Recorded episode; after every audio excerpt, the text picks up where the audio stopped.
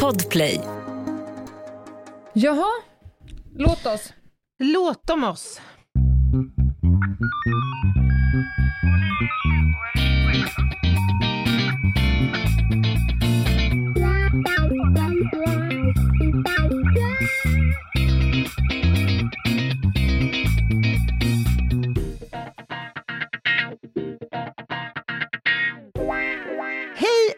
Välkomna till krimpoddarnas krimpodd Över min döda kropp med mig, Anna Jinghede och... Lena Ljungdahl.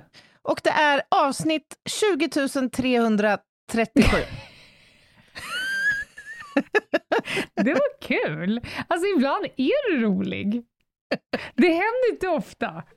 Nej. Jo, det där var faktiskt kul, Anna. Det är i alla Gick fall... du på känsla? Ja, på feeling, som du hade sagt. Mm. Ibland måste man bjussa till lite extra. Och Ja. eh, det finns lite olika strategier där som vi tar till, så att säga, när vi Mm. känner att nu behöver vi, nu behöver vi höja, hissa upp lite grann ens medspelare, så att säga. Och ja, men låg vi inte båda ganska mitt i senit i söndagskväll? Jo, det kan man säga att vi gjorde. Mitt i senit. Fan vad bra. Ja. Ja. Men vi, Ja, hörni, det är torsdag idag och när ni lyssnar på det här så är ju vi... Vi kanske sitter på flyget upp till Umeå medan de lyssnar. Vem vet? För vi ska Mm. avrunda hela jävla livepods-turné-cirkusen uppe i Umeå Mm. idag. Otroligt. Jag har tänkt nu, jag vet inte hur det är för dig, men jag har fantiserat om de här sista dagarna. Tänk om, om vi nu då har gjort fem eh, föreställningar. Mm. Låt säga att vi skulle ha haft 75 på vårt turnéprogram, så att säga. Ja, Bara så här, det hade lek inte med, gått. lek med tanken bara. Nej men det, det, är ju, nej, det är ju gravt ångestframkallande. Ja, Inte för att jag inte har uppskattat det. Det har jag Absolut verkligen inte. gjort. ja. Men det tar energi.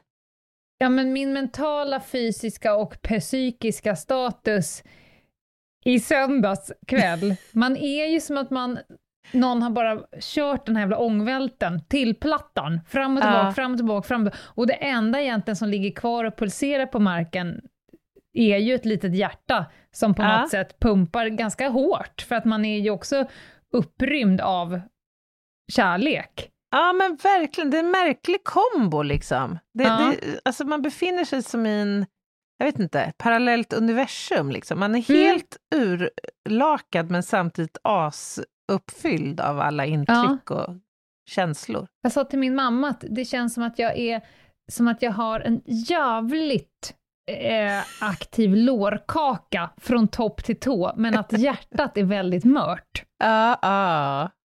Nej, men det Ja. var, eh, vi körde ju Stockholm i söndags och jag måste säga att det var något extra för mig. Dels för att jag har varit på Rival så oerhört många gånger själv, Mm, alltså mm. i 45 år typ.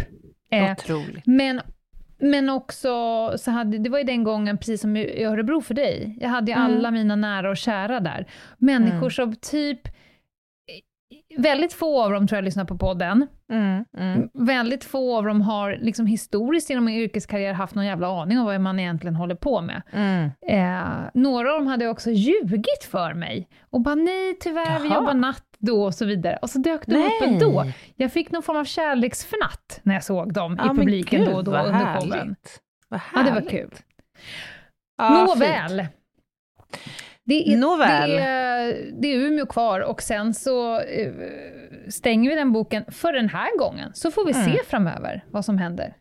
Absolut. Vem vet, vi kanske är tillbaka redan i augusti.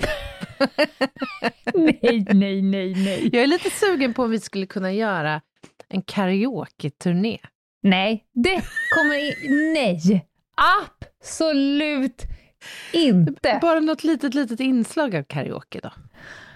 Alltså det är så jävla mycket torsk på Tallinn för mig. Jag vet, Hela- jag skojar. Ja, ja det, det är jag absolut inte redo Åh. för det. Hörni, det är torsdag och det ska bli ett krimavsnitt idag och idag kommer det bli ett ganska annorlunda avsnitt. Mm. Jag ska testa Verkligen. ett nytt grepp. Jag känner mig djupt eh, oroad. Nej, nej, jag tar Nej. tillbaka. I, absolut inte orolig för att det här ska bli ett konstigt eller dåligt avsnitt. Tvärtom, jag tror Nej. att det kommer bli kanon. Men vi brukar ju ha ett manus. I alla fall Ja. lite så stolpar på ett papper så man kan... Exakt. Åh, var befinner vi Man oss kan nu hänga i med. processen? Man kan hänga med. Mm. Nu sitter jag med en blank skärm framför mig. Ja, Det känns jag hann läskigt. inte göra något och jag orkade inte. Och eh, jag behövde inte något manus för avsnittet. Vi skulle prata lite juridik, men så kände jag inte för det. Och sen fick jag en rykande färsk rapport i nävarna. Oh, skickad till mig av, jag ska inte outa någonting för jag vet inte exakt hur offentligt det är, men en, en, eh, en högt uppsatt polischef som vi båda eh, känner varm och innerlig kärlek inför. mm, mm, verkligen, verkligen. Och, eh, och då kände jag så här, nej men nu bara skjut i allt annat åt sidan, för att det här är en sån intressant rapport, så jag tänkte att vi i det här avsnittet bara ska gå igenom rapporten, fan, från perm till perm, och bromsa in vid väl valda tillfällen för att ge våra egna reflektioner eh, och tyckanden och yrkeskunskaper levla upp lite. Alltså, rapport och reflektion i samma mening, det är ju oerhört, tycker jag, tilltalande på något sätt. Ja, Men ännu liksom- mer till... ja, ännu mer härligt skulle det vara om man fick veta vad den handlar om, rapporten. Det kommer nu. Ja. Kvinnors inverkan och delaktighet i det grova våldet i kriminella miljöer. Oj! Det här måste vara en unik rapport.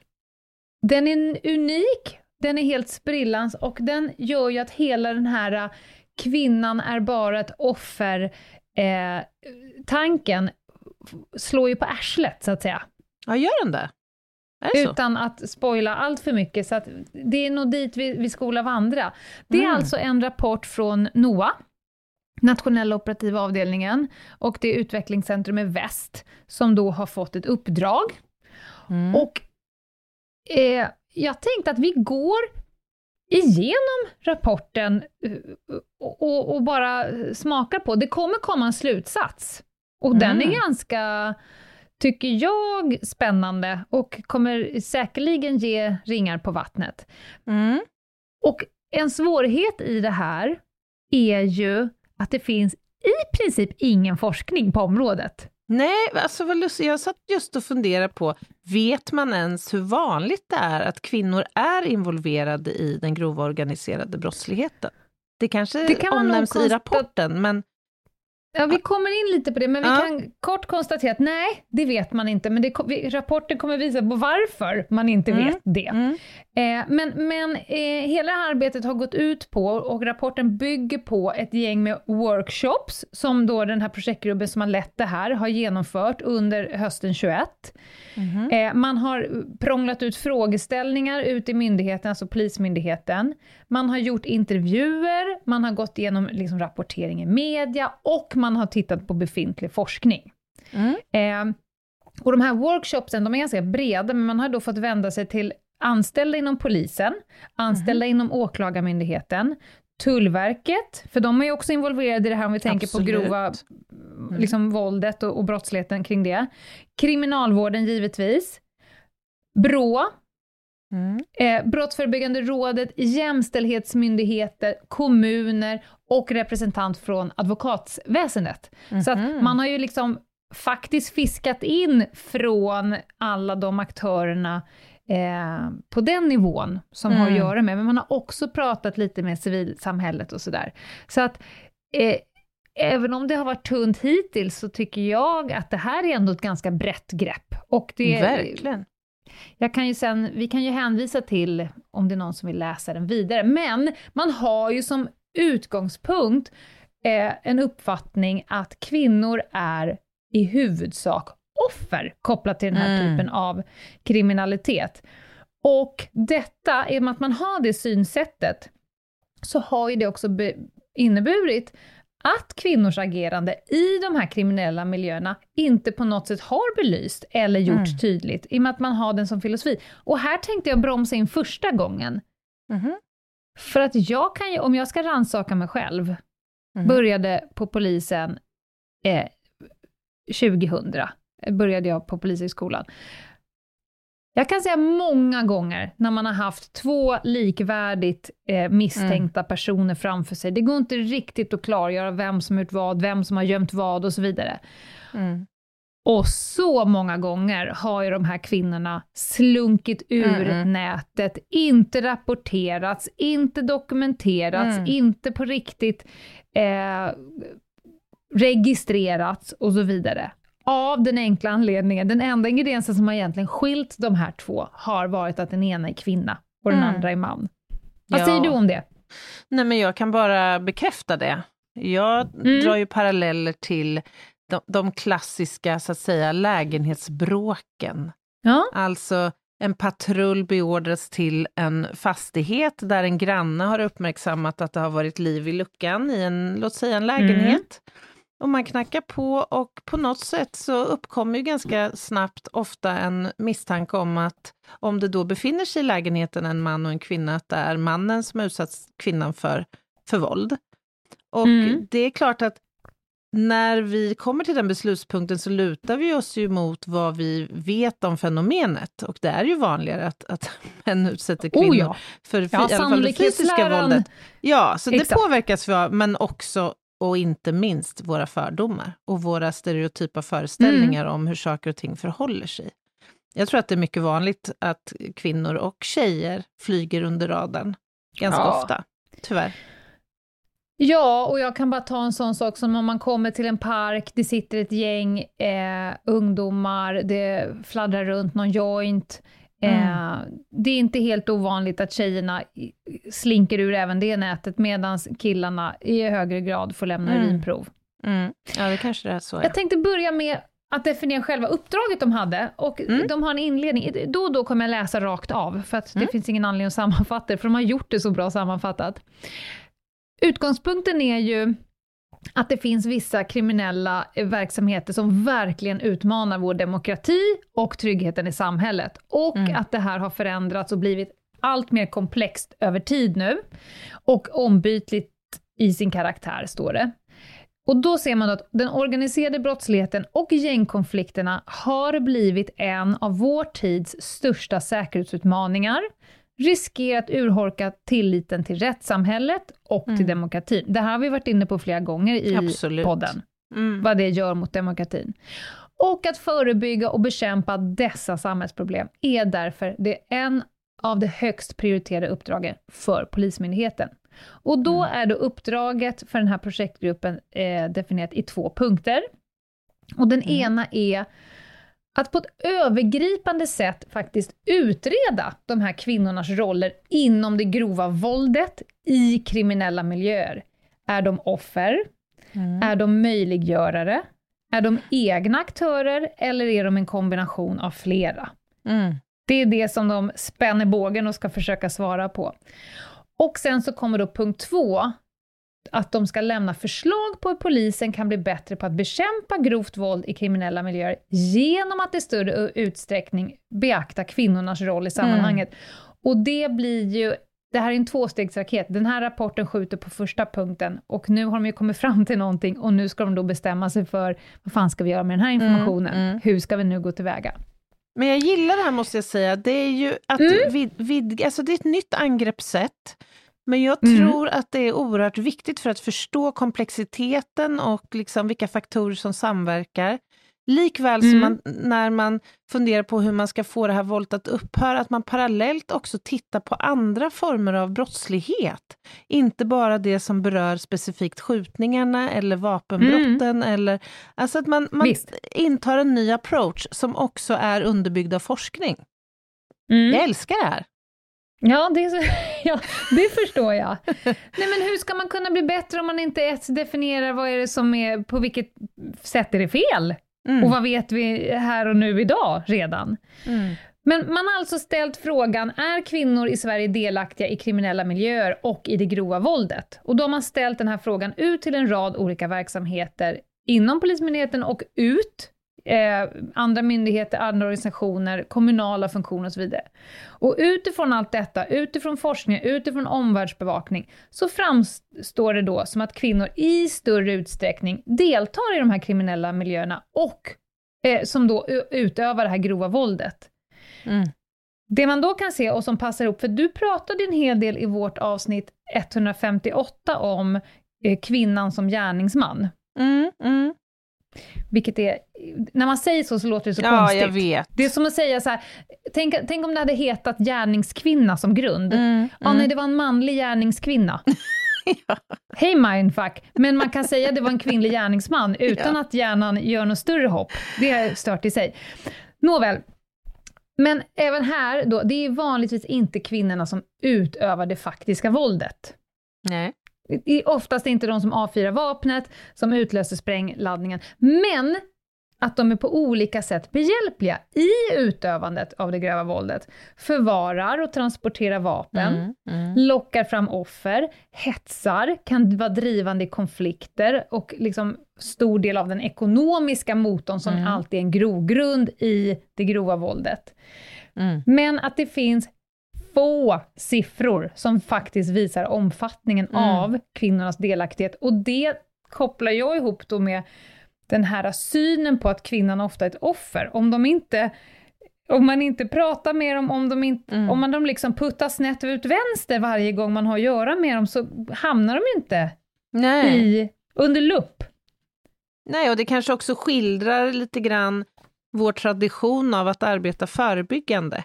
Att vi kanske Mm. snarare arbetar, eller så att vi arbetar inte särskilt proaktivt, eller har i vart fall inte gjort det med den här brottsligheten.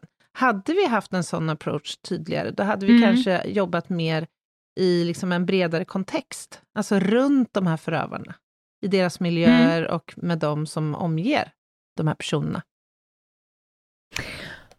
Ja, och, och jag tycker frågeställningarna de har här är väldigt intressanta. Ett, är kvinnor drivande i det grova våldet? Mm. Vilka roller har kvinnorna i de här miljöerna? Och, tycker jag, en jätteintressant punkt, vilka möjligheter finns för kvinnor att lämna Mm. Alltså det våldsaktiva och de kriminella miljöerna. Man tänker ju alltid på kvinnor som offer, att de lämnar så som att de ska rädda sitt liv, eller lämna Mm. något dysfunktionellt. Men om man tänker ren avhoppar Verksamhet. verksamhet, Mm. som då är till största eh, liksom mån, eller vad man säger, det, eh, största utsträckning är ju den riktad mot män. Mm. Mm. Om man inte ser kvinnor som aktiva gärningsperson, då kommer man nog inte eh, designa eh, metoder och eh, strategier som faktiskt passar kvinnliga Nej, våldsutövare att lämna. Mm. Jaha, och då eh, går de då igenom kvinnors olika roller inom den organiserade brottsligheten, resultat från workshop och intervjuer. Mm. Och de har kommit fram till då, från Polismyndighetens håll att kvinnor är genomförare, möjliggörare och offer. Mm. Kvinnor och flickor är idag mer synliga i anslutning till kriminella miljöer och de är sannolikt mer delaktiga och har större roll än samhället hittills haft kunskap om. Och så, så är det e- till exempel en polisregion som uppgav att de har erfarenhet av eh, yngre ostraffade kvinnor med körkort är Mm. till exempel en viktig möjliggörare för de mer organiserade narkotikanätverken. Här skulle jag vilja dra en liten passning till ett ärende som jag har hanterat rent privat, i Mhm. min egen låda, när det ringer två föräldrar och säger Hej, vi behöver hjälp med att försöka slita loss vår dotter från Mm. en pojkvän som vi inte anser är bra för henne. Mm. Och så när man börjar skrapa på det här ärendet, för då var det väldigt så problematiskt, dottern var över 18, hon får faktiskt välja själv vem hon ska vara med och inte vara med, ja, men vad kan vi göra, vem ska vi snacka med och så vidare. Mm. Eh, men då när man börjar se det här, mönsterna, vad gör hon på kvällarna? Kör mycket bil, skjutsar Mm. sin pojkvän fram och tillbaka över stan, han kliver ur bilen, borta en kort stund, kommer tillbaka, Mm. till henne säger han att ja men jag ska bara inte vet jag, pratar med någon polare här. Hon Mm. är ju en typisk möjliggörare. Hon Mm. får swish från massa olika håll. Folk som swishar henne pengar för att han har fel på sin mobil och inte kan ta emot swish. Så att hon får Mm. swish av massa olika människor som hon i sin tur då ger till honom. Så hon tvättar ju här och, och Mm, precis. sopar spåren. Och då är frågan så här, hur mycket är man medveten om det? Hur mycket blir Mm. man utnyttjad? Ingen som vet. Men det är en typisk sån där... Och hon får kanske också en slant för besvär, så att säga. Det finns säkert faktorer Absolut. i det här som också gynnar henne och som blir en kvarhållande liksom, faktor i det hela. Absolut. Absolut. Och det säger de här att kvinnor knyts oftast till den organiserade brottsligheten, framförallt genom ekonomisk ersättning. Mm. De kan få givna uppdrag, eh, hämta, transportera eller lagerhålla narkotika. Mm. Och det här är en medveten strategi då från nätverken. De vill ma- maximera sina vinster och de undviker själva de polisiära kontrollerna. Eh, en annan region hade eh, svarat på att de ser tecken på att kvinnor är med och hetsar fram och är drivande i vissa konflikter, medan det Mhm. sen är mo- männen som utövar våldet. Oj, det var något nytt för mig, måste jag säga. Ja, jag Vad bromsade intressant. också in en del Ja. här. Jag, jag tror att hela samhället behöver tänka om. Det gynnar ju inte varken kvinnorna eller männen att man sätter kvinnorna i, offerperspektiv här. Absolut inte. Och det gynnar framförallt inte samhället och demokratin och brottsutvecklingen. Om man Nej, missar en ganska inte. stor väsentlig del. I likhet med pojkar så finns det en uppfattning inom Polismyndigheten ganska brett då att, att eh, brottsaktiviteterna kryper längre och längre ner i åldrarna hos flickor, Mm. precis som hos pojkarna. Nu läser jag rakt av här. Det finns även information som framkommit under genomförda workshops som visar på att våldsanvändningen bland flickor yngre än 15 år är grövre än i motsvarande åldrar hos pojkar. Mhm. Vad tar du av det? Vad tar jag av det? Alltså, vi ska ju komma ihåg att det här är en workshop som utgår från medarbetares upplevelser och uppfattningar Absolut. och inte registerdata eller genomgång av ärenden eller någonting annat. Så att man kanske inte kan dra... inte på de här som är under 15. Nej, nej men precis. Eh, så att man kan ju fundera på om det är så att vi har blivit bättre på att uppmärksamma eh, dessa eh, tjejer, för att det är delvis ett nytt kanske fenomen. Jag vet inte. Eller... För det backas, li- ja, det, det Mm. backas lite upp, för att i en rapport från Brå visar att när unga kvinnor medverkar i ungdomsrån så förekommer oftare än tidigt grovt våld med inslag av förnedring. Mm, Eh, mm. Antalet misstänkta flickor har ökat mellan 2015 och 2019. I en studie från polisregion Mitt med över 390 händelser kan man se att flickor under 15 ökar stort. Mm. Ja, det är oroväckande. Men likväl som unga eh, pojkar och mäns så att säga våldsbeteendemönster ändras, så Mm. kan vi ju eh, lika självklart tänka oss att eh, tjejers förändras. Alltså det är egentligen inte konstigare än så. Nej. Men det är främmande för en att tänka. ju Ja. att, alltså det, ja, Nej, men jag, jag tänker liksom två tankar. Det har alltid varit så att man har eh, an, sett på kvinnor som mer offer, det Mm. svagare könet, alltså fysiskt, man har eh, eh, längre till Mm. Ja, maktmässigt, man har längre till grova våldet. Det, har man ju kollat, det pratar du om i ditt avsnitt, det här med impuls, man kan ju se på Mm. massa olika saker, genetik och så vidare. Men om den här eh, brottsliga verksamheten, det grova våldet, också har satt i system att Mm. vi tar in kvinnorna för att just det, ni går under radarn, ni blir Mm. inte lika ofta Mm. stoppade, ni blir inte lika ofta kollade, eh, ni är inga offer utan ni kan hjälpa till med både det ekonomiska och lager och så vidare. Mm. Då, om inte förr, så då, när man har Mm. satt det i system, sen när det satt i system, jag vet inte om, ja, det kan ske, det är tur att det sker nu i alla fall, så man hinner bromsa den här utvecklingen.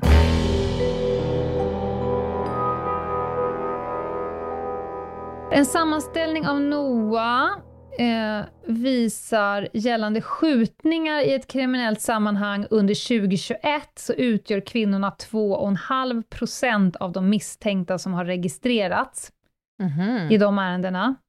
Okej. En fjärdedel av alla målsäganden var kvinnor. Men 2,5 av de misstänkta i skjutningar 2021 i kriminellt sammanhang Ja. var de misstänkta kvinnor. Hmm. Vart du förvånad? Tyckte du den skulle vara högre, lägre? Ja, jag, jag funderar på siffrorna lite grann, och framförallt de här Mm. fyra procenten som var målsägare. Jag funderar på om de var... En att säga- fjärdedel, Ja, en fjärdedel 4%, sa en du. fjärdedel var målsägande. Det är ju intressant. Då kan man Kvinnor. fundera på om de har varit, så att säga, eh, om det verkligen är de som har varit måltavlorna, eller om Mm. de, så att säga, har eh, befunnit sig på fel plats vid fel tillfälle och därmed blivit målsägare i de här Mm. ärendena. Det låter ju väldigt mycket, tycker Sen jag. en annan intressant sak. Materialet med allt arbete kring de här eh, krypterade apparna, Mm. där visar man att det är endast män som har haft krypterade telefoner. Mhm. Hur ska man nu- tolka det då?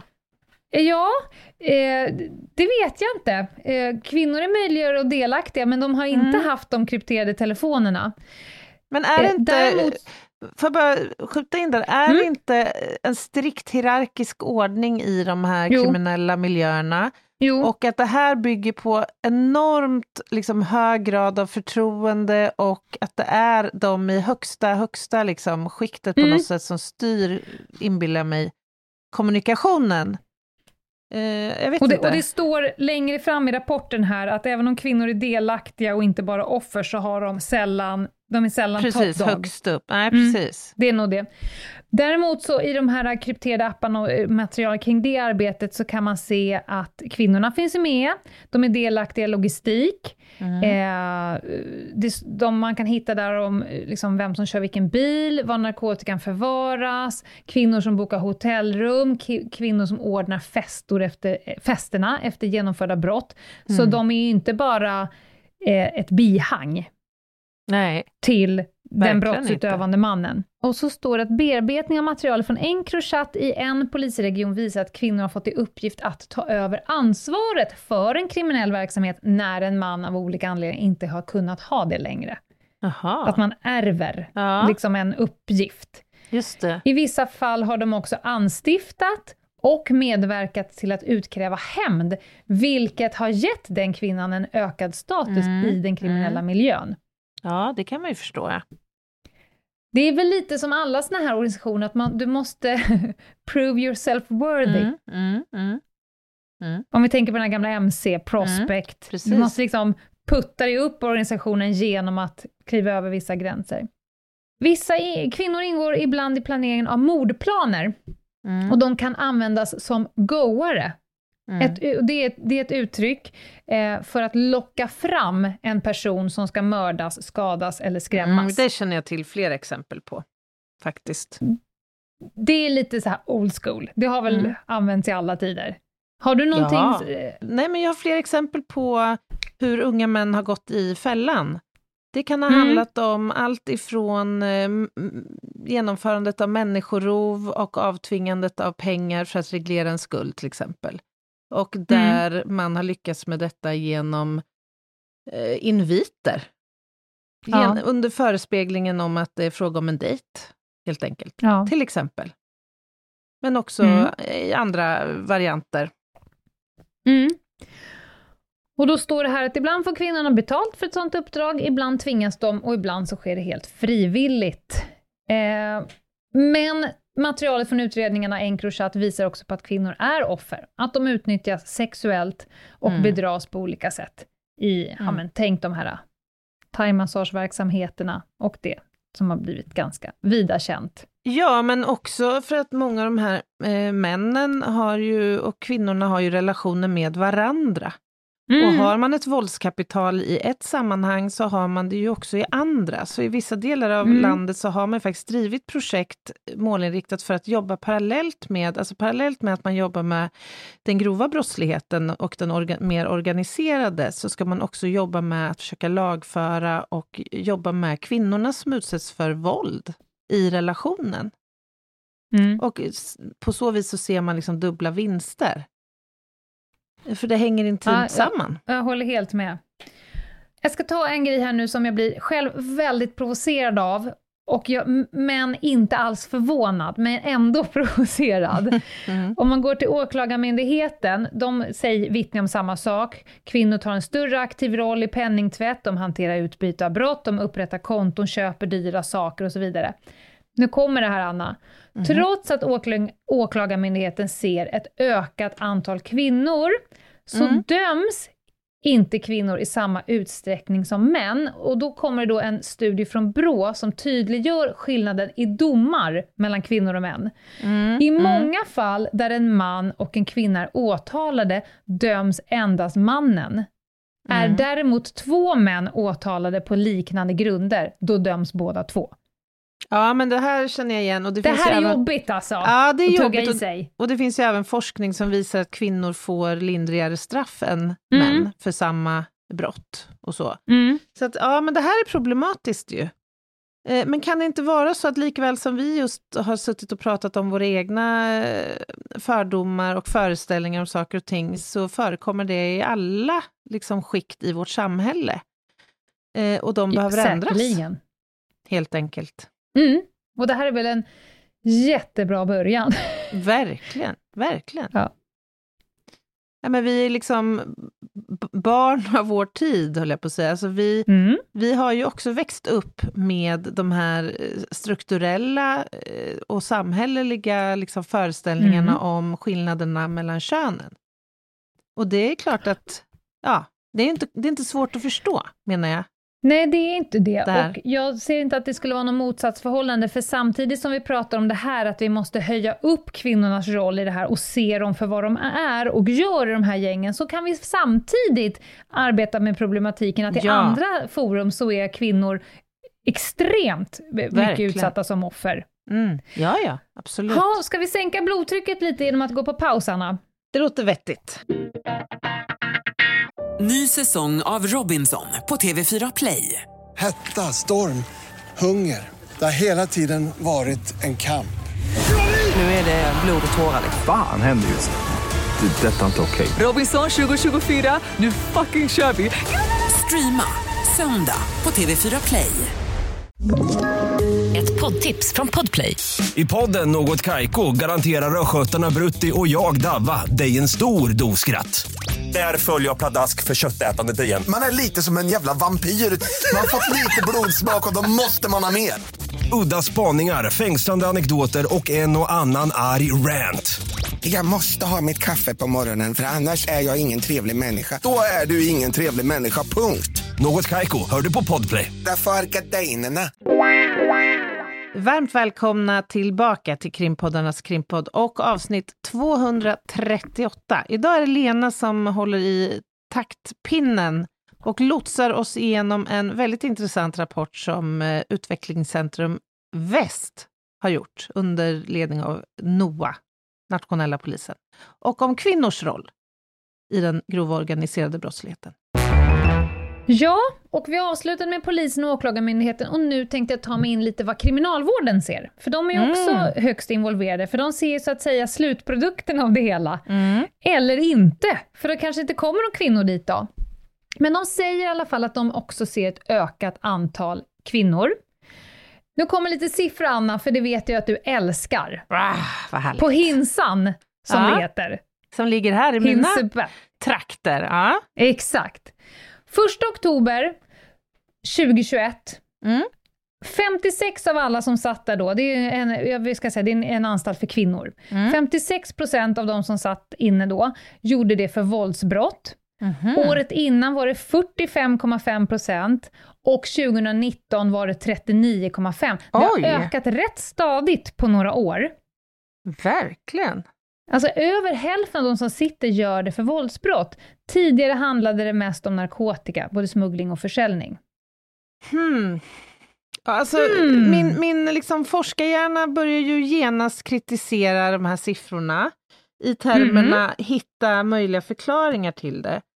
Så man, Mm. man vågar liksom inte dra allt för djärva kanske slutsatser om det. Det kan ju handla om att polisens resurser ser annorlunda ut, man fokuserar på vissa typer av brott mer än andra och, och så vidare. Men det ser onekligen ut att vara mer än en trend om det vid tredje årets mätning fortfarande ökar så Mm. Så att, aha, Ja, men, och jag, för, för, det är precis som du säger, man kan ju se ett år att narkotikabrotten på en viss eh, typ av, om det är brott, ringa brott eller innehav, bruk och så vidare, har Mm. ökat med massor. Det betyder ju inte att alla helt plötsligt bara gör det, utan det kan betyda att man har haft en riktad insats mot det. Så Mm. det brukar eh, ofta... Men vi kan ju i alla fall säga, det, det ter sig vara en, en trend. Mm. För det står också så här, vad det gäller våldsbrotten så hade kvinnan tidlig, tidigare vanligen en relation med offret, som ofta var Mhm. en man. Idag handlar våldsbrotten mer om ekonomiska motiv utan en Oj. bakomliggande relation och kan begås av yngre förövare nu också. Mm. Så de har, där har de i alla fall definierat Mm. någonting i det. Eh, och sen Ja. så säger kriminalvården att synen på kriminalitet och gäng har förändrats. Från Mhm. att tidigare framförallt handlat om män, så ser kvinnor allt mer idag att en gängtillhörighet är någonting positivt. Det finns en Mm. stolthet att till för ett, ett, ett gäng. Och det här då ska manifesteras med olika typer av symboler, tatueringar Mm. och så vidare. Alltså det här är en oerhört deppig utveckling. Om det är så här. Jag får så här, ibland när, när, förr när jag hade svårt att sova på kvällarna så fanns det ju, det finns säkerligen fortfarande, så obskyra program där man Mm. fick se från kvinnoanstalter ja, i USA. det. Ja. Ja. Det var ju väldigt mycket gäng och väldigt mycket eh, Verkligen. symboler. Jag får, jag får den känslan. Så jag det här börjar det. likna någon, någon halvdeppig och mörk och dyster dokumentär från Åh. något... Ja, men jag känner, här måste ju hela samhället nu Ja. liksom verkligen fundera Mm. på detta. Mm. Alltså, ah. Jag håller med. Eh, sen så kommer lite om civilsamhället och kommunerna, som också så här, vad, vad är, hur ser ni på det här? Mm. Eh, och här kommer också en intressant aspekt. Kvinnorna, även om de inte gör det aktivt kriminella, så är de möjliggörare till den kriminella verksam- verksamheten och att den ska kunna fortgå genom att de sköter alla vardagliga sysslor. Mm. Mm. Ja, men De exakt. sköter All rulliansen runt omkring. Mm. Mm. Och mest troligt hyfsat införstådda med vad det är Mm. de sköter markservicen runt och varför de har svin... Nu är det mina egna så här. Varför de har, kan ha svindyra eh, Mm. handväskor, för det här har man ju träffat på. Jag brukar kalla dem de klassiska busbrudarna. Mm. Mm. Så länge pengarna trillar in så gör de ganska mycket eh, markservice Mm. för att Papi ska klara av att hålla på med det han gör. Och det. när det, när det väl skiter sig, för det här har jag själv varit med om, när, när vi flera gånger har gripit då mannen, Mm. Som då kanske, eh, mycket narkotikasmuggling och grova narkotikabrott som jag har varit, liksom, det är där Mm. jag har jobbat emot. När han åker in och, det, och utredningen, det, det, liksom, det pekar rätt mycket åt att det kommer bli ett par år här nu. Mm. Mm. 8, 10, 12, kanske 14 om det är smuggling. Mm. De här tjejerna, det är ju bara studs and go. Mm. När Mm. pengarna inte trillar in längre, Ja, ja. Då, är de, då har de bytt till någon ny person. Så att, att så här, nej, jag hade ingen aning om vad han Nej. gjorde, men Trams. sluta bara. Ja. Men jag Mm. tänker också så här, om man, om man blickar tillbaka till alla de här gamla rånarligorna och mc-gängen och allt vad Mm. det nu är som har passerat, så har det ju alla tider funnits så kallade nyttiga idioter eller springpojkar eller ja, Mm. gud vet allt vad de har kallats. Och om man ser det eh, liksom i den här kontexten och ur ett förövarperspektiv så är det ju ganska praktiskt att låta en, när, och särskilt en närstående kvinna faktiskt vara Verkligen. involverad. Därför att det är ju mycket lättare att man drar öronen åt sig, ögonen till, mot sig, om Mm. man omges Såklart. av individer som man egentligen inte har någon naturlig koppling till, men som ändå fyller en viktig funktion för liksom, att kunna vara yrkeskriminell.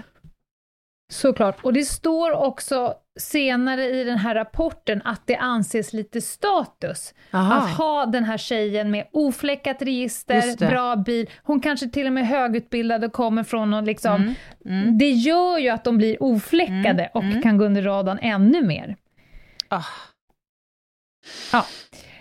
Så ja, och sen ska vi prata lite då, för det har vi varit inne på, den här rosa lagboken. Den så kallade rosa lagboken, rättskedjans olika hantering av kvinnor och män. Det var ju det vi sa precis innan pausen när vi fick lite Mm, lätt hjärnblödning.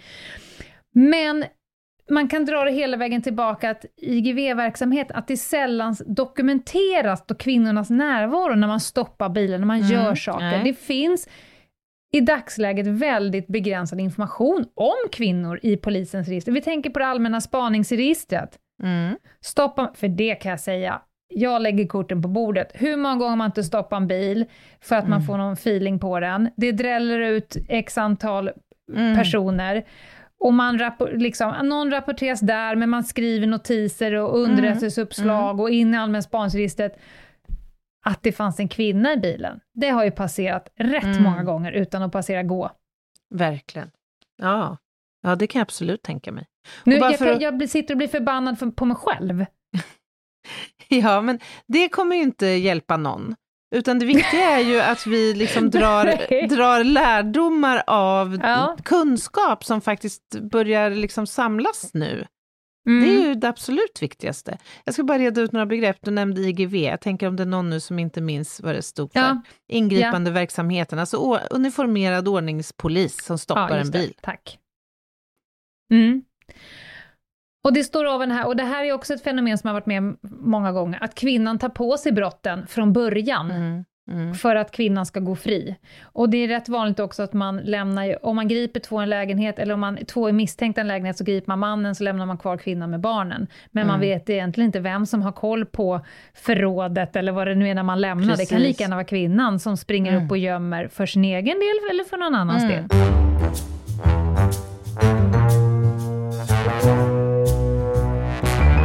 Här är en intressant sak tycker jag.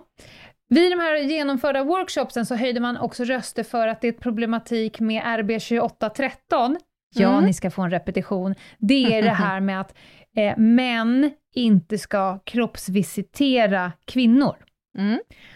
Och här såg man det som en farhåga i att kan det vara så att kvinnor också i, i, Mm. i större utsträckning eh, faller mellan stolarna för att om vi kommer en, en helt manlig pat- patrull med två män, Mm. ja då ska vi frysa läget och så ska vi ringa hit en kvinna. Så här, nej, ids Mm. inte, vi skiter i Mm. det. Ja, kanske, säger jag. Kan inte uteslutas, i alla fall inte på vissa delar i landet ju. Nej. Alltså könsfördelningen ser ju olika ut inom olika polisdistrikt. Ja, exakt. Exakt. Och, och det- närmsta eh, kvinna är 45 minuter bort. Ja, då är det nog mest troligt att den där kvinnan inte kommer bli kroppsvisiterad. Mm. Kan tänkas. Mm. Sen så går man igenom det här med rekrytering och då säger man då att det är, eh, de kriminella männen vill ha så kallade gröna gummor. Mhm. Vad betyder det? Det är ett roligt... Ja, det betyder att tjejen är snygg, Va? pluggar, det här vi var inne på, väcker inte så mycket uppmärksamhet. Och då rekryterar man sådana unga kvinnor in i de kriminella miljöerna för att man har nytta av dem. Mm. Och då, de, de manipuleras in i det, det kanske blir någon vänskap, det kanske blir eh, kärleksrelationer och så vidare. Mm. Och då kan de använda de här kvinnorna återigen för att gå under eh, radarn. Mm. Gröna gummor. En grön gumma, det skulle man inte vilja vara. Fy fan alltså. Ja. Ah! Men, men också en grej, att kvinnor byter ibland lojalitet och de byter pojkvänner och för att skapa konflikter mellan gäng och Mhm. män. Mhm. Alltså som en strategi Just alltså för att det. skapa konflikt. Mhm. Man ruckar om lite genom att säga, åh nej, nu är jag med Ja. här. Men just det, det kan man ju tänka sig är ju en faktor naturligtvis, som, som de Mm. här måste ta i, i beaktande. Det kan ju också innebära Ja. enormt stora påfrestningar då. För det innebär ju också att de här gröna gummorna faktiskt har fått en viss insyn och inblick i de här kretsarna. Och, Såklart. vad som pågår. Ja. Så det är klart att de är också ett hot i en ja, förlängning det är klart det blir. mot dem själva. byter de Mm. då, då blir det ju en risk Mm, som klart. då måste hanteras på något sätt Mm. och därmed starta konflikten. Mm, mm. Sen kommer det här med att kvinnornas möjlighet att lämna de kriminella miljöerna. Jag var inne på det lite i början, tror jag. Eh, de flesta kommunala av- avhopparprogram har inte kontakt med kvinnor, punkt. När de har gjort sin lilla eh, rundringning här. Eh, och i och med att kvinnornas problem förminskas och reduceras till ett offerskap, så kan ju de insatser som behövs för de här kvinnorna fördröjas och kanske inte ens analyseras vad, vilket typ av behov hon egentligen har. Nej. Vilket då försvårar modellen för att det faktiskt ska bli eh, säga, pang för peng, att det ska bli rätt. Mm. För att alla de här typerna av verksamheter och designade, och det är väldigt mycket män, män och så män som forskar på män i grova våldsmiljöer. D- Återigen, Mm. så blir det försvårande för det här. Ja, visst, det är klart. Nu, Anna, kommer du få eh, topplocksavgång. Jaha. Det finns information som indikerar på att kvinnor söker sig till polisutbildningen och civilanställningar inom Polismyndigheten i syfte att infiltrera verksamheten och därmed eh, vara de kriminella strukturerna behjälpliga. Men sluta! Ja, visst! Anna lutar sig nu bak, gnider sina händer mot låren och stirrar med gäddblick upp mot taket. Alltså det här är ju, det här är ju riktigt allvarligt. Ja, Va? Jag ska aldrig mer klaga på de här extremt uttömmande säkerhetsklassningssamtalen Nej. och allt vad det nu är. du bara, ta två till. Ja! Det är ju inte klokt Fattar det här. du? Infiltration av rättsstaten Ja, för att kunna Mm. bedriva organiserad grov brottslighet. ja. Jösses. Insyn, inblick, otillåten påverkan. Mm. Nu är vi där igen. Det här var Ja, too much information. sista punkten innan jag går in på slutsatsen då, då är ju forskningen. Ja. Eh, det finns relativt begränsad forskning, de kallar det en blind fläck. Mm. Det finns några saker som forskarvärlden har liksom tagit upp. Och det är ju... ehm, det finns ju några saker som man har enats om. Kvinnor utför inte brott lika ofta som män. Det är de här sakerna som faktiskt du sa i avsnitt 158. Eh, andelen eh, kvinnor som utför brott ökar över tid. Eh, både i Sverige och internationellt faktiskt. Eh, men man kan se då att nyare studier genomförda av kvinnliga forskare, alltså tidigare har det varit män som har forskat på män som begår eh, grova brott i gängkriminaliteten. Men nyare studier som genomförda av kvinnliga forskare har in, identifierat ett så kallat gender gap. Alltså de roller och aktiviteter som kvinnor har gentemot män i organiserad och ekonomisk eh, brottslighet. Alltså kvinnor har varit exkluderade från maffialiknande organisationer, men har spelat en stor roll i den ekonomiska brottsligheten. Återigen det här med att man är faktiskt delaktig och möjliggör. Mm. Är du sugen på slutsats? De har kommit fram fem punkter som de har identifierat. Ja, vad intressant.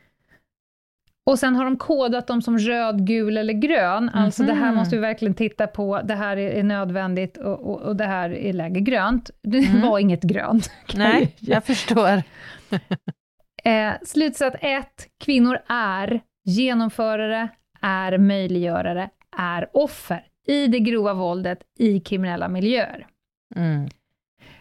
Och då kommer då att Polismyndigheten bör genomföra åtgärder för att synliggöra och reducera kvinnors delaktighet. Mm. Man behöver öka Polismyndighetens förmåga att skapa heltäckande bild av det grova våldet. Eh, de yttre resurserna bör bli mer uppmärksamma på kvinnor i de kriminella miljöerna. Eh, och underrättelseverksamheten bör undersöka hur man fångar in kvinnor i de kriminella miljöerna, alltså om deras metoder som de har nu, de kallar det för cylindermodellen, men att, hur Mm. Mm. får vi in det i de Mm. metoderna som vi idag har? Slutsats två. Kvinnor bemöts och behandlas annorlunda av män än män, av anställda inom Polismyndigheten och andra Mm. samhällsaktörer. Mm. Det har vi pratat om. Mm. Eh, slutsats tre, kvinnorna är möjliggörare till den kriminella världen, eh, kan fortgå genom att de inte uppmärksammas av olika samhällsaktörer, till Mm. exempel socialtjänst, skola och Precis. fritid. Mm. De ser också till att man upprätthåller en struktur helt utan anmärkningar, så att den kriminella verksamheten som männen utför kan då Mm. fortgå. Slutsats fyra. Kvinnor identifierar sig sällan som kriminella. Mm. Eh, och när de söker stöd så gör de det för att de är utsatta för våld eller för att de är rädda för Mm, ja, men sitt barns välmående och så vidare. Därför använder de inte, eh, de använder inte samma vägar till avhopp från de här miljöerna som de Nej. manliga kriminella. Så att det är i första hand den sjukvården och socialtjänsten Mm, som behöver mm. fånga upp de här kvinnorna, för det är dit de söker sig. Mm. Mm. Och, in, och du ser inte jätteförvånad ut. Nej. Nej, jag bara satt och väntade på den där punkten, om den skulle komma. Ja. Därför Ja. att alltså, här ställs det ju höga krav på en massa samhällsaktörer. Polisens roll i det förebyggande arbetet är ju tämligen liten i det här sammanhanget. Här gäller det att Mm. fånga upp de här tjejerna och kvinnorna i andra fora och tidigt. Och Mm. in- rikta tidiga insatser mot dem. Mm. Mm. Och så sista då, det var ju den här bajsmackan som jag sa på slutet. Inom att det finns information som indikerar att, de söker sig till polisutbildningen för att infiltrera verksamheten. Mm. Och där kommer ju rekommendationen att Polismyndigheten bör göra en ordentlig genomlysning för att bedöma vilken utsträckning detta är korrekt eh, och utveckla arbetet med att upptäcka risker för infiltration, såklart. Verkligen. Jag saknar en punkt på den där listan. Aha. Att kunskapen är låg och behöver öka. Alltså det behövs forskning på det här området och det behövs Mm. forskning ur en svensk kontext på det här området. Mm. Och, och den här kunskapen behöver återigen inte bara polisen och rättssamhället, utan alla samhällsaktörer som, som kan komma att beröras av liksom, fenomenet. Jag gjorde faktiskt den, för jag tittade på referenslistan för Ja. rapporten. Jag gjorde den analysen själv. Det är mycket BRÅ, Mm. det är mycket interna grejer från kriminalvården Mm. eh, och polisens strategiska planer, en SOU, alltså statens Mm. offentliga utredningar. Och sen det forskningsmaterialet som finns eh, är ju inte svenskt. Den är väl amerikansk företrädelsevis skulle jag Ja. tro. Och det, Jag skulle- det är ju inte jämförbart. Av många Nej. anledningar. Nej, det är ungefär som när jag skriker när man försöker dra till amerikansk forskning när vi pratar skolattacker. Mm. Jag blir också så här, vänta, vänta, vänta, vänta. Ja, men det är helt olika, liksom. ja, det är så många faktorer som eh, samverkar och inverkar. Mm. Men jag gillar att de har tagit det som finns och Ja. tagit ett avstamp i det, men jag håller helt med dig nu att fan vad fräscht att man ett, har fått uppgiften att Mm. faktiskt titta som i projektform på just problematiken. Mm. Man får uppdraget att göra det. Jag tycker att det är en jävligt bra rapport som inte backar, inte viker Mm. undan och inte blundar. Och nu spänner man bågen och i nästa steg så går ju då, vad ska vi göra nu? Mm. Mm. Ja, men abso- Jag alltså, det är ju en känner... oerhört välkommen ansats och initiativ. Verkligen. Verkligen. Verkligen. Och eftersom vi vet vilka, eh, i alla fall vissa som ligger delaktiga bakom det här, så känner jag mig också lugn och trygg eh, att det kommer komma någonting gott ur det här.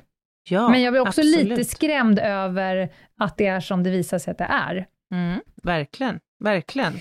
Men oerhört viktig och ny kunskap, som sagt, återigen. Mm. Det var Ja, lite så här rapportrabbel idag. Det, är något, det har, så har vi inte jobbat förut, men vad fan, det, även det ska testas. Ja, Det ska och, bli kul att se hur ni, hur ni tar emot det här avsnittet. ja, verkligen. För egen del så kan jag bara säga att det var oerhört intressant och välkommen kunskap. Det var väldigt mycket Mm. för mig som var ögonöppnare i det här. Mm. Och nu kommer alla de som går på polisutbildningen som lyssnar på oss gå och blänga på varandra. Ja, titta snett på varandra. Who are you? Äh, fy. Ja, det är deppigt. Mm. Men hör Ja, du, snyggt jag jobbat, vet ju att du Lena. har förberett, tack, jag vet att du har förberett en jätte, jätteviktig lista. Ja, den är jätteviktig. Jätte, jätteviktig. Ja. Jag har några små saker att säga innan dess och det är ju att idag i torsdag vi avslutar vår eh, livepods-turné. Ni kan börja ladda upp för en månadsmerch som släpps nästa fredag. Jag ska Mm. genast bläddra i min almanacka, jag som då har pappersversion. Vi pratar alltså den 27 maj, kommer vår Mhm. nästa merch ut på Podstore. Har vi något annat viktigt att säga? De kan följa med oss på Instagram, va, som vanligt, Anna? Mm, det kan man gärna göra på Ljungdahl och Ginghede och där kommer vi ju nu strössla ut lite av våra erfarenheter från livepodd-turnén bland annat. Och, ja, det, det kommer hända en hel del framöver även om vi är klara med Mm. livepodd-turnén, så mycket kan vi säga. Det kan vi lugnt påstå. Vi var ju och träffade PR-chefen på Norstedts häromdagen och gjorde upp en ganska köttig plan Mm, för hösten. mm. Mycket skoj också. Ja, nästan allt. Mhm. Ja, verkligen. Vi kommer också, kan vi flagga redan nu, att Ljungdahl och Ginghede kommer befinna sig på Almedalen i work mode. Mm. Hur Just kul det, ska inte det bli? in en podd också, kommer vi göra där. Ja, Ja, det blir spännande ju. med potentaterna. Ja, tackar, tackar ja. Eller potäterna, eller hur man nu ser det. Nej, Ja, det blir en ny we- upplevelse. No, no more further ado. Eh, kör nu. Ska jag? Ska jag Ja. nu? Ja, Gärna, gärna det. Här kommer den, den jätte, jätteviktiga listan. Annas jätte, jätteviktiga lista. Ja, alltså man brukar ju säga att anfall är bästa försvar. Men ibland så kan också ett vasst försvar vara en bra strategi för sitt case, så att säga, om man står åtalad för brott. Alltså jag var ju inne på att vi skulle prata juridik idag, så att jag hamnade liksom lite i det facket här nu för listan. det älskar jag ju. Det här var, det här var uppfriskande. Ja. Och, och det här, de här strategierna skulle man kunna förhålla sig till som ibland väldigt kreativa försök att undkomma rättvisan helt enkelt. Så jag tänkte ägna listan till att prata om några sådana här exempel på kreativa då ansatser och jag välkomnar dig Ljungdahl att gärna kommentera och reflektera lite över de här olika sätten. Ja, jag tar en klunk eh, vatten här. Plats nummer fem. Nu ska vi prata om Lorena Bobbitt and the Irresistible Impulse. Ja, Jag tror... Jag henne tror, minns man ju. Ja, jag tror att de flesta kommer ihåg den här mycket, mycket våldsamma och alldeles säkert plågsamma händelsen. Det handlar ju alltså då om Lorena Bobbitt som var en eh, påstått misshandlad hustru som eh, bestämde sig för att skära av sin mans penis, köra iväg med den i bilen och sedermera kasta ut organet genom fönstret. Lyckligtvis för hennes make så eh, kom hon sig till sans och Mm. vände om, plockade upp det lilla organet så att säga och tillkallade sjukvård. Eh, Mm. Och maken blev eh, opererad, organet återplanterades, eller vad det kallas, under en nio och en halv timmar lång operation. Eh, och han var säkert väldigt eh, glad för det, så att säga. Går det här, Och det här- inom ramen för ett frivilligt tillbakaträde? Nej, det tror jag inte att det gör. Alltså för att förklara det, om du typ snor någonting och sen bara sa nej det kommer inte gå, så ställer du tillbaka det, men hon kanske Ja. har passerat den så Jag säga, tror, gränsen. jag tror att hon hade passerat den gränsen. Ja, I alla fall, det här blev ju då en snackis 1993 och i början på 1994 när då det här skulle prövas straffrättsligt. Lorena hävdade att det här skedde då som en respons till att hon hade utsatts för bland annat våldtäkt och eh, misshandel tidigare i deras eh, relation. Och att det här var en irresistible impulse, alltså det här var eh, någonting hon gjorde i ett eh, tillstånd av chock över att då ha utsatts för den här våldtäkten under samma kväll och det här skulle då vara liksom en ursäktlig ett ursäktligt så att säga, beteende. Mm. Ehm, och det här det verkade ju ha fungerat, för att hon befanns icke skyldig till Eh, jag vet faktiskt inte vilket brott hon stod eh, åtalad för. Eh, Stöld? grov misshandel, kanske. Förlåt, Stöld. det skämtet flög inte helt. Okej, du har ganska fördröjning på synapserna, Jinghede. Ja, det har jag. Men hon, hon friades ju då för Mhm. misstankarna för detta brott, till följd av att hon, hon angav det här som eh, en eh, förklaring då. Det här psykologiska tillståndets orsakat och framkallat av att hon skulle ha utsatts för en våldtäkt senare, eller tidigare Det under låter ju som att hon åberopar någon form av eh, nödvärnsexcess. Att jag kunde svårligen besinna mig och därför gick jag liksom långt utöver det som Ja. låg inom ramen för ett nödvärn, typ. Ja, exakt, vi har ju en sån, nu vet jag inte i Ja. USA hur det funkar riktigt, men det är ändå Nej, men det, intressant. det lät lite så. Ja.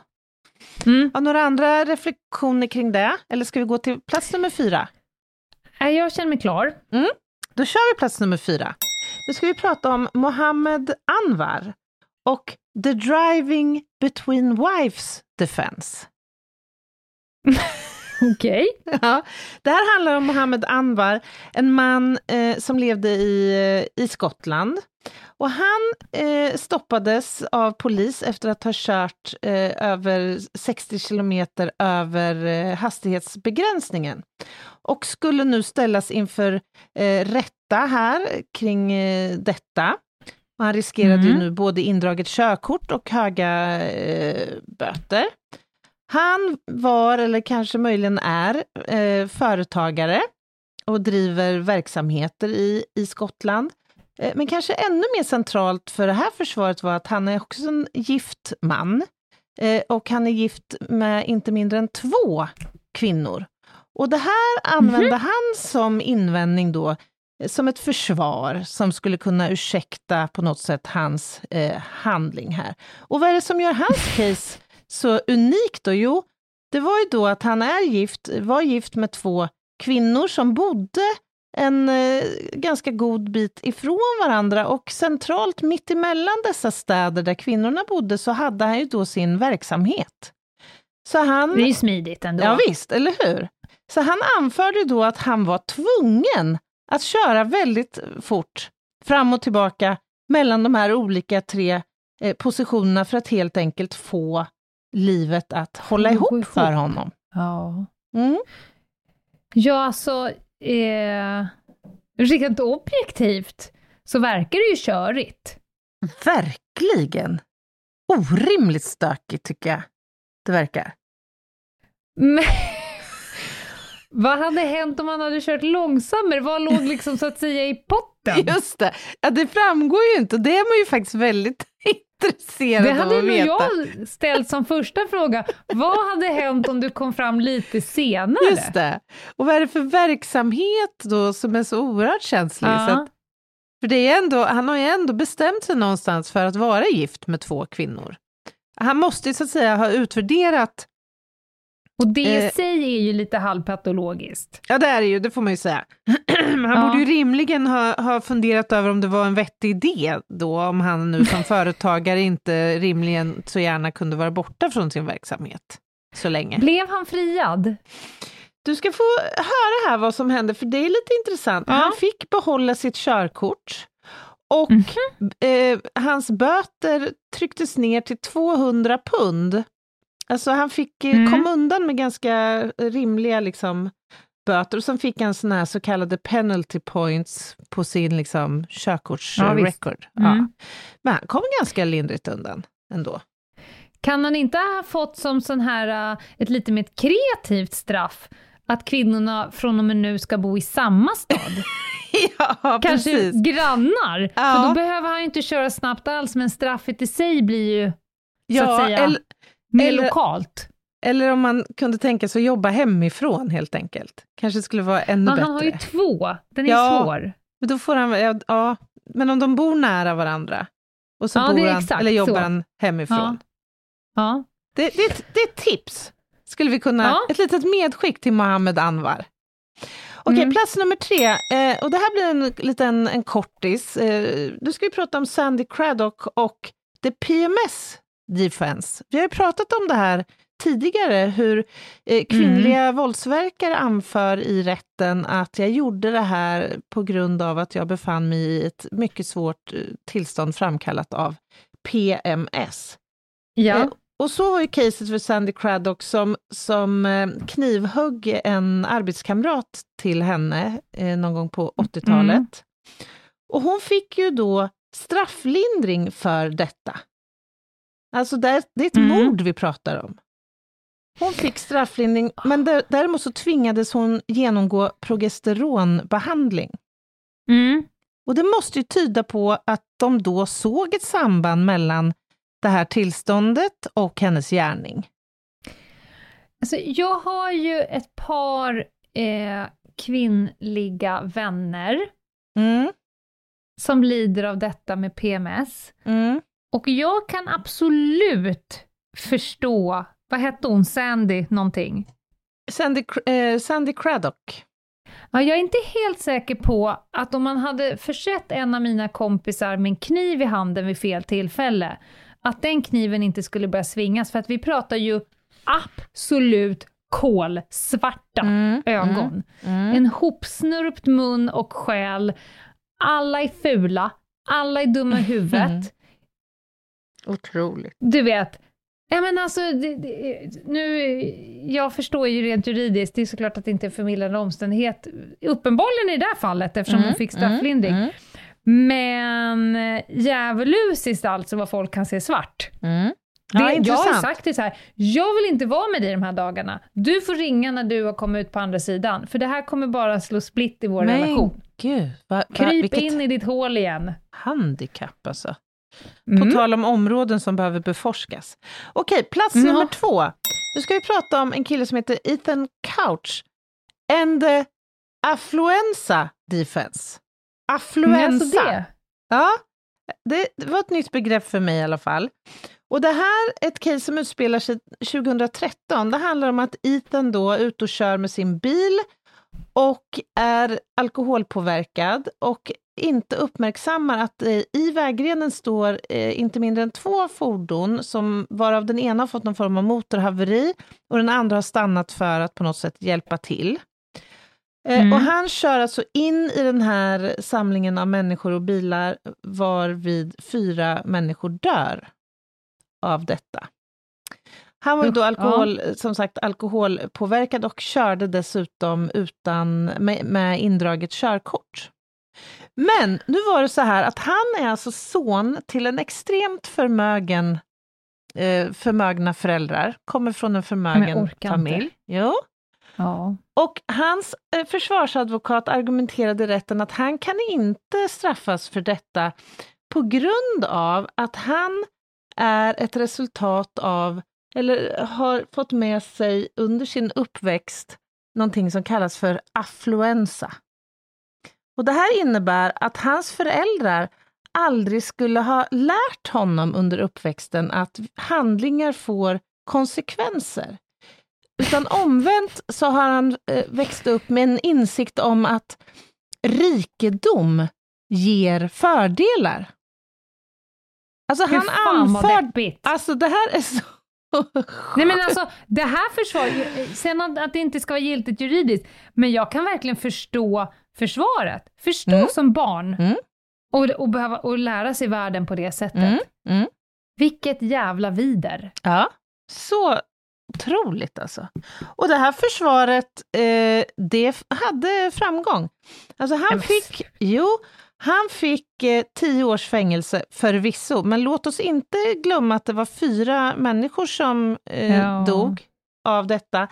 Och han fick en väldigt kostsam rehabiliteringsplan vid en rehabiliteringsfacilitet och det här eh, bekostades då av hans föräldrar. Affluensa. Affluensa. Man tänker ju genast på något som har med en pandemi att göra, men så är det inte. Ja. Det har inte med influensa Han har att blivit göra. biten av en knösusfluga. Ja, affluensa. Oj. Oj! Nu fick hon influensa, det var ju trist. Det måste vara influensan som tog mig direkt där. Influensa, det är en av de vanligaste symptomen är högfärdshosta. Vad sa du? Vanligaste symptomen i... Högfärdshosta, det var den som drabbade på dirr. Det måste vara influensan. Ja. Åh nej, jag har haft influensa nu i två veckor. Oh, Okej, plats nummer ett. när det händer. Nu ska vi prata om The Identical Twins Defense. Eh, och där handlar det om... Oj, jag såg nu vilka svåra namn de hade. Er Satis Rai och Sabarish Rai. De är alltså tvillingar. Eh, identiska tvillingar från Malaysia som eh, stod inför risken att dömas till döden efter att ha smugglat 166 kilo cannabis och 1,7 Mm. kilo opium. Eh, och myndigheterna var ju säkra på att en av dessa män var skyldig, men man kunde inte verifiera och, och bekräfta vem av de här två identiska tvillingarna som faktiskt eh, greps i första läget Nähä. och ställdes okej. inför rätta. Mm. Eh, och eh, ytterligare komplicerande var ju att ingen av de här männen var ju särskilt sugna på att heller ta på sig det här eftersom de stod inför en Nej. risk att dömas till, till döden, naturligtvis. Och det här medförde att domaren till slut var tvungen att fria dem båda. Han kunde liksom inte ta risken att skicka fel person i döden. Nej, det går ju enkelt. inte. Nej, det går inte. Nej, det går ju inte. Du ska ju varje liksom indi- i- individuellt ärende kunna påvisa att just du Precis. har gjort just det där brottet. Men det, här är, det- här kan vi komma in på något annat avsnitt, för det här är väldigt spännande. Det är en extremt vanlig fråga när jag föreläser på ja, till exempel juristlinjen eller, Mm. eller polisutbildningarna. Vad händer om jag kommer in i ett rum, det sitter en, en påse knark mitt på bordet, två personer sitter och stirrar på den. Vad får jag göra med den ena, vad får jag göra med den Mm, andra? Kan, man mm. bli, eh, kan man bli dömd för, kan du bli dömd för innehav av ett kilo och du ett kilo? Nej, Mm. det går ju inte. Det betyder att det finns två kilo. Så där kan man hålla på hur länge som helst. Det kan vi ta i något annat avsnitt. Ja, intressant. Men det är intressant. Men de här blir friade alltså? Ja, helt Mm. enkelt för man kunde inte bestämma vem av dem det var som, eller avgöra vem det var som var skyldig till gärningen. Nej. Ja, kreativt som sagt. Eh, och eh, det finns väl inte så mycket mer att säga om detta, mer än att, vadå? Mer än att ni kan dunka in på typ Adlibris eller något annat sånt här bokköpställe och köpa vårt... eh, Ni kan förboka våra signerade böcker. Mm. Vi har ju förstått att vi ska krypa in i ett lager någonstans utanför Stockholm och eh, jobba upp en ordentlig jävla artros i signerararmen. Och det ser vi fram emot! Det är konstigt att man ser fram emot en, en kroppsskada. Ja, jag hörde att det pratades om två dagar. Det låter helt Ja. orimligt. Två hela dagar. Åh, hjälp! jag kommer Gills få- det med stämpel? Nej, för fan, det är klart det inte gör. Nej, okej. Nej, jag, jag ska öva upp. Jag har ingen autograf. Har du en upparbetad autograf? nej, nej, nej, nej, nej, det är klart jag inte har. Nej, det har Nej, jag vi inte. får jobba på det. Vi har Ja. några, någon månad eller två på oss. Ja, det har vi. Hörni, ta hand om er ute. Vi hörs. Puss och kram! puss. puss. Bye. Bye! Ett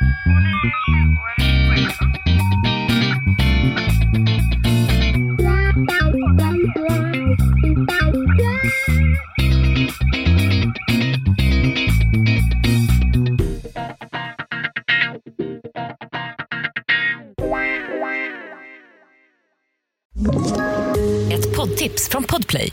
I podden Något Kaiko garanterar östgötarna Brutti och jag, Davva, dig en stor dos skratt. Där följer jag pladask för köttätandet igen. Man är lite som en jävla vampyr. Man har fått lite blodsmak och då måste man ha mer. Udda spaningar, fängslande anekdoter och en och annan arg rant. Jag måste ha mitt kaffe på morgonen för annars är jag ingen trevlig människa. Då är du ingen trevlig människa, punkt. Något Kaiko, hör du på Podplay. Därför arkadeinerna.